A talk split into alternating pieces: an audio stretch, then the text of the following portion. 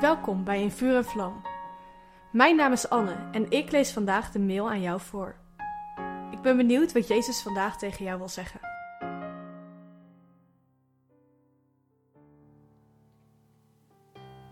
Afgelopen zondag lazen we over schaamte. Zacchaeus uit de Bijbel kende dat waarschijnlijk ook wel. Hij was klein, hij deed slechte dingen en mensen dachten negatief over hem. Als je het verhaal, te lezen in Lucas 19, een beetje kent, weet je dat Jezus Zacchaeus roept terwijl hij in een boom zit. Jezus kijkt Zacchaeus aan, roept zijn naam en vraagt hem om naar beneden te komen. Dit lijkt wel een beetje op God die aan Adam vraagt: Waar ben je? Midden in de schuld en schaamte van Adam en Zacchaeus vraagt God of hij dichtbij mag komen. Hoe zou Adam zich gevoeld hebben toen God hem die vraag stelde? Zou Zacchaeus bang zijn geweest toen hij uit de boom klom? Misschien dachten Adam en Zacchaeus allebei wel dat God of Jezus deze vraag stelde zodat hij hen kon veroordelen en straffen. Maar al in Genesis zien we wie God is.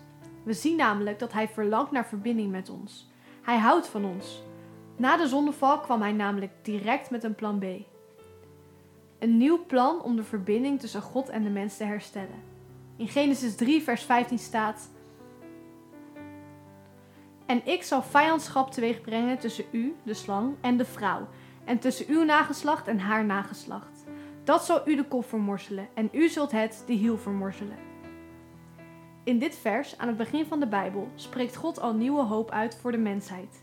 Dit vers gaat namelijk over Gods grote reddingplan. Het zaad van de slang, de duivel, zal overwonnen worden door het zaad van de vrouw, Jezus. Hierdoor kon de verbinding tussen God en de mens weer worden hersteld. Wat een goed nieuws! Jij mag dus geloven dat God jou altijd najaagt, op zoek gaat naar jou en verbinding met jou wil. Zelfs wanneer jij je schuldig voelt en je schaamt, vraagt Hij: Waar ben je? Kom je? Geloof jij dat God verbinding met jou wil, zelfs als je je schaamt? En wat antwoord jij als Jezus jou vraagt om een stapje dichterbij te komen?